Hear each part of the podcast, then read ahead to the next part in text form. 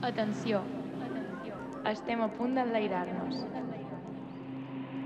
Durant el trajecte, explorarem diverses perspectives del món aeroespacial, humanitzant el sector i creant referents propers i reals. Esteu preparats per viatjar entre galàxies?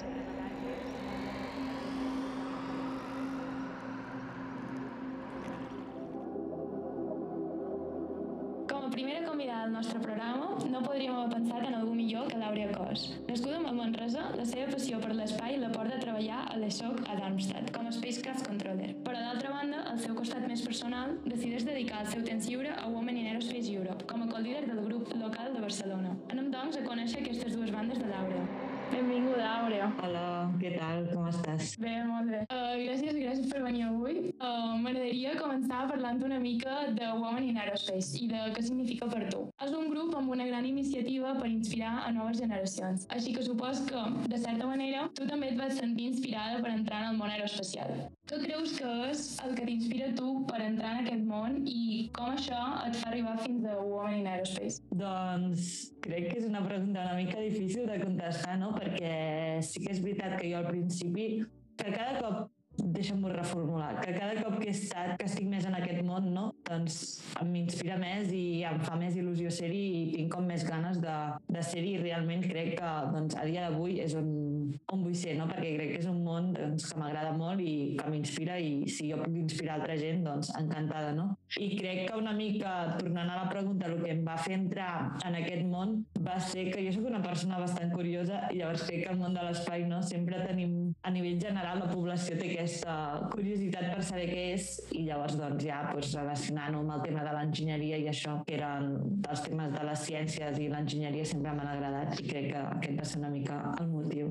Molt bé, jo estic molt d'acord amb tu en que és important inspirar a l'altra gent i supos que de partir d'això eh, vas anar eh, creixent més dins aquest grup de Women in Aerospace Barcelona i fins que ara has arribat a ser co-líder d'aquest grup. Eh, per tant, estaria molt bé que poguessis donar-nos una perspectiva interna de com funciona i com s'organitza aquest grup. Perfecte.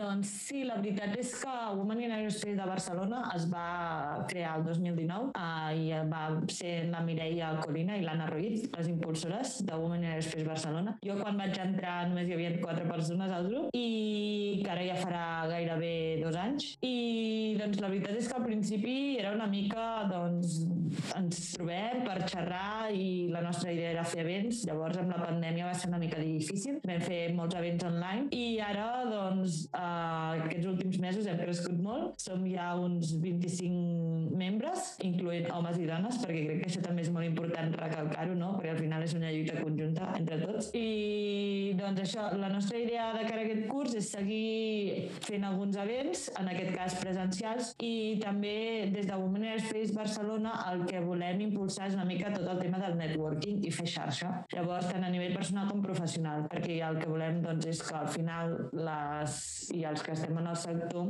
eh, tinguem algú amb qui puguem contactar. No? I a part d'això, doncs, també ara tenim un programa de mentoring que el llançarem a principis de novembre, en el qual tenim com dues uh, línies, una més enfocada al batxillerat i l'altra més enfocada a la universitat, i el que es pretén amb aquest programa doncs, és una mica guiar no?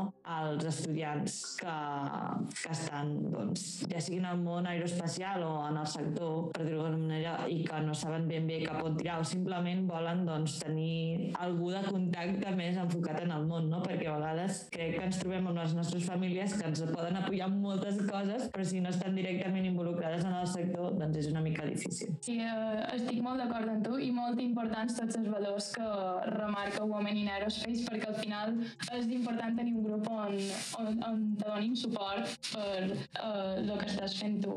Ara eh, m'agradaria poder-te conèixer una mica més a tu.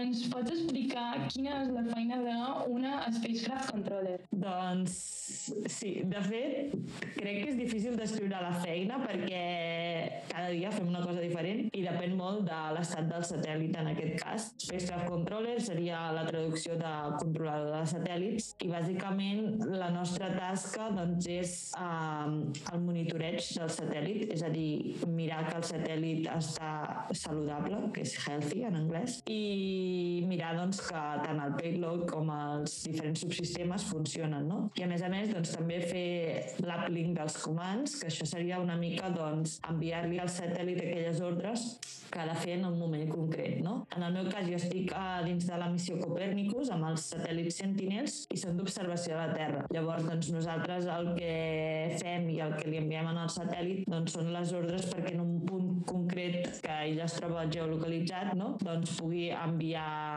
fer la foto perquè uh, un dels satèl·lits té, per exemple, una multispectral imaging, que seria una càmera de, de precisió, doncs perquè en un moment concret pugui fer una mesura en concreta. No? I llavors aquesta seria una mica la feina.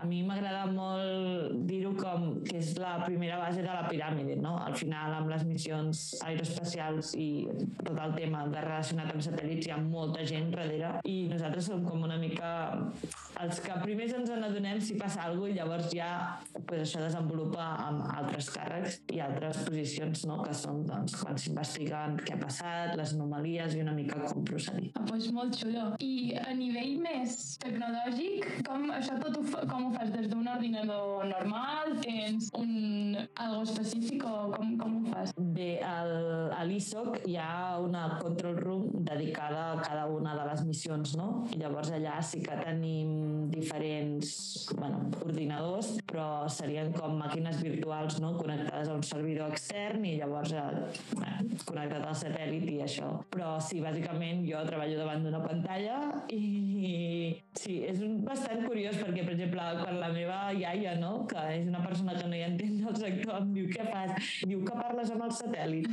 Però al final no. és com, sí, és una però... bona manera de veure-ho.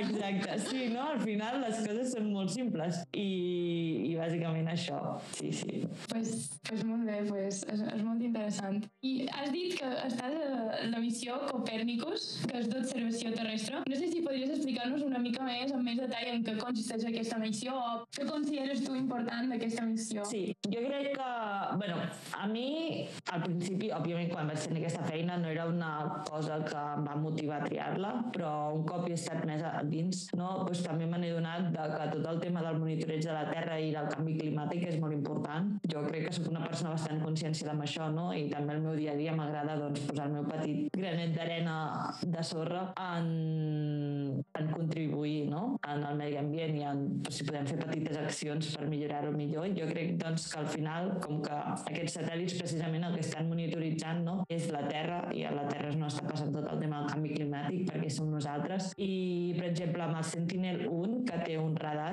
d'instrument doncs es poden predir terratrèmols o diferents doncs, factors meteorològics i jo crec doncs, que això és molt interessant i també està molt bé i al final ens ajuda a nosaltres com a humans a no fer-nos la vida més fàcil però sí a poder-ho estudiar més i a estar preparats no? per futurs canvis. Sí, i crec que és una molt bona manera de mostrar que l'enginyeria aeroespacial va molt més enllà de simplement avions o coets, que és el que penses quan te diuen enginyeria aeroespacial, sinó que realment el que tu estàs fent estàs ajudant a això, a, a contribuir a millorar el canvi climàtic i tot Exacte, això. de fet, jo que- quan vaig acabar la carrera, bueno, jo sempre en la carrera vaig intentar doncs, fer el màxim relacionat amb l'espai possible, no? Però quan vaig acabar va ser com una mica, vale, i ara què vull fer? I a la que et poses una mica en el mundillo doncs veus que realment hi ha moltes coses fora de la uni i que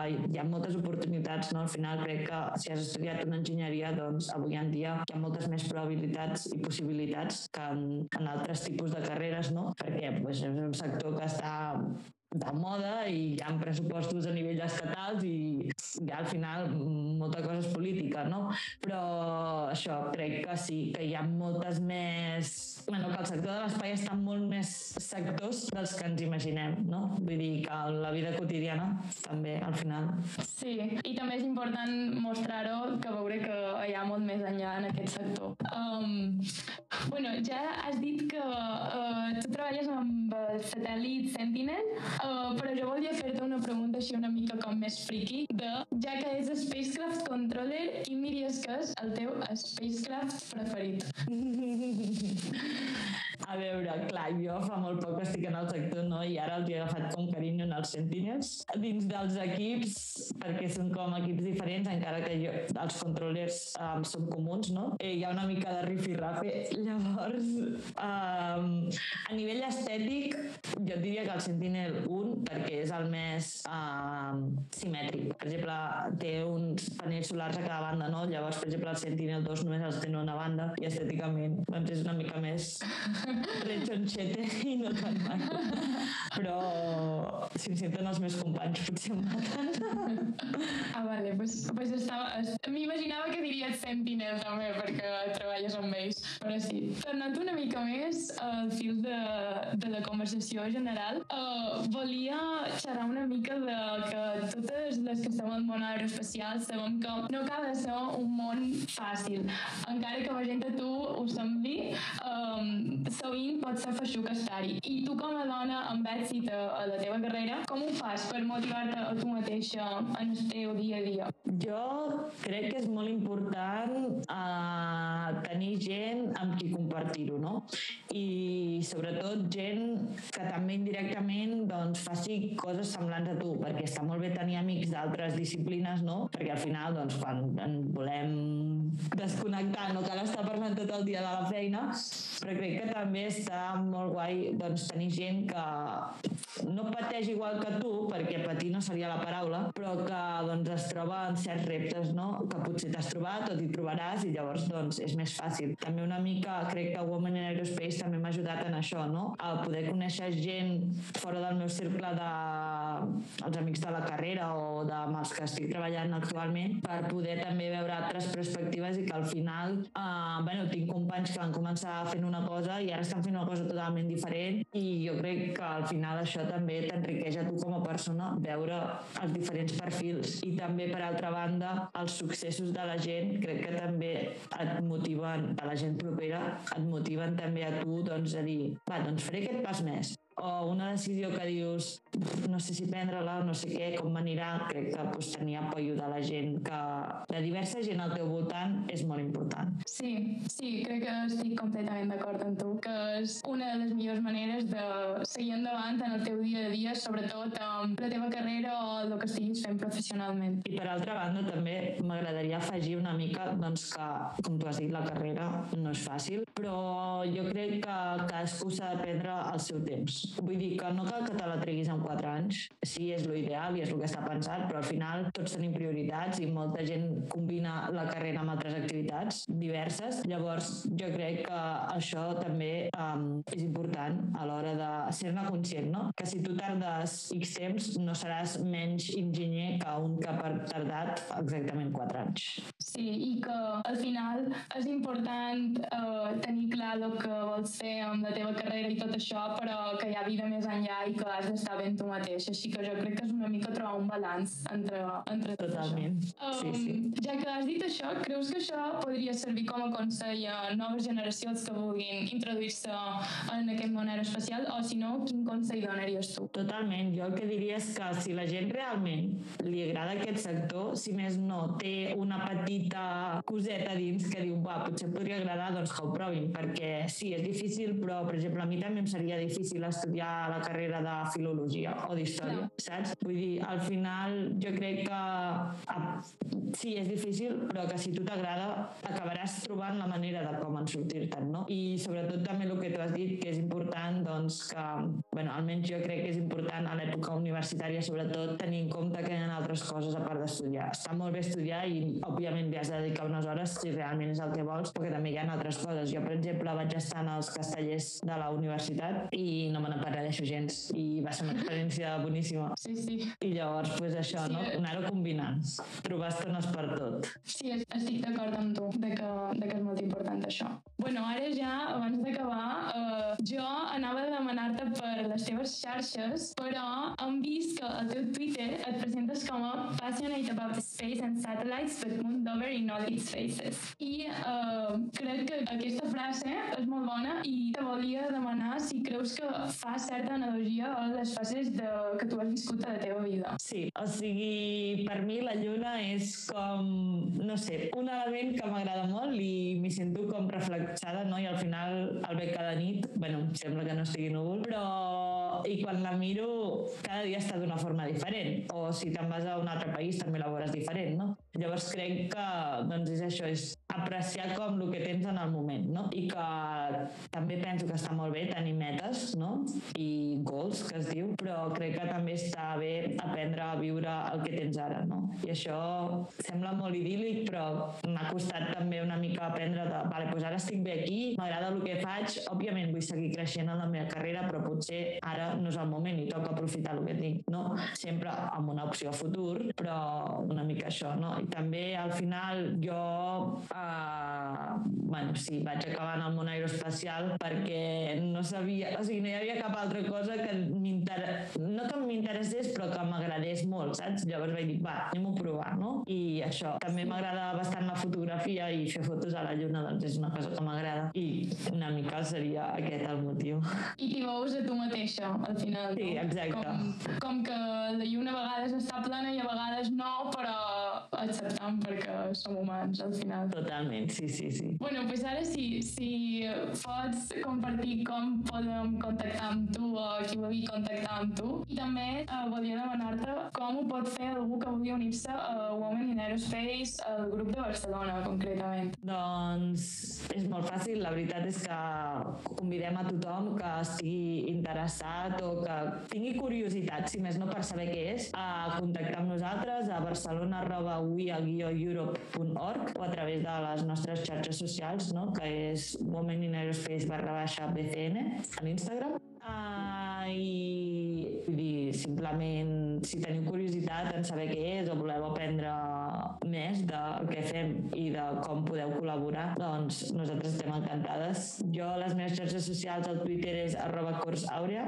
també pues, em podeu seguir, però crec que el més interessant no, d'aquest podcast donar a conèixer Women in Aerospace i una mica també les diferents ponents i referents no, que anirem tenint en els pròxims capítols. Crec que també és important això, conèixer gent dins del món que jo crec que indirectament, encara que potser avui no, però ens inspiren i podem aprendre molt. Sí, i com sempre deim a Women in Aerospace, crear referents reals i propers. Exacte, que al sí. final és el que intentem. Bueno, aquesta era una mica no, la idea d'aquest podcast, que al final crec que sempre s'intenta entrevistar gent que té alts càrrecs o que ha fet projectes molt interessants i que no, no ho desvaloro ni res, però crec que també que al final totes i tots de nosaltres, si ens donessin 20 minuts, podríem explicar alguna cosa interessant i que algú li faria reflexionar. Sí, per això volia agrair-te haver vengut avui i que estic segura que has inspirat a molta gent i moltes gràcies per haver-nos acompanyat en aquest viatge entre galàxies. Gràcies a vosaltres per tota la passió i temps que esteu dedicant a aquest podcast perquè crec que serà una cosa molt xula. Moltes gràcies. Podeu seguir tots els nostres projectes a l'Instagram de Women in Aerospace barra baixa BCN i al Facebook de Women in Aerospace Barcelona. Entre Galàxies, un podcast de Women in Aerospace Europe, Barcelona.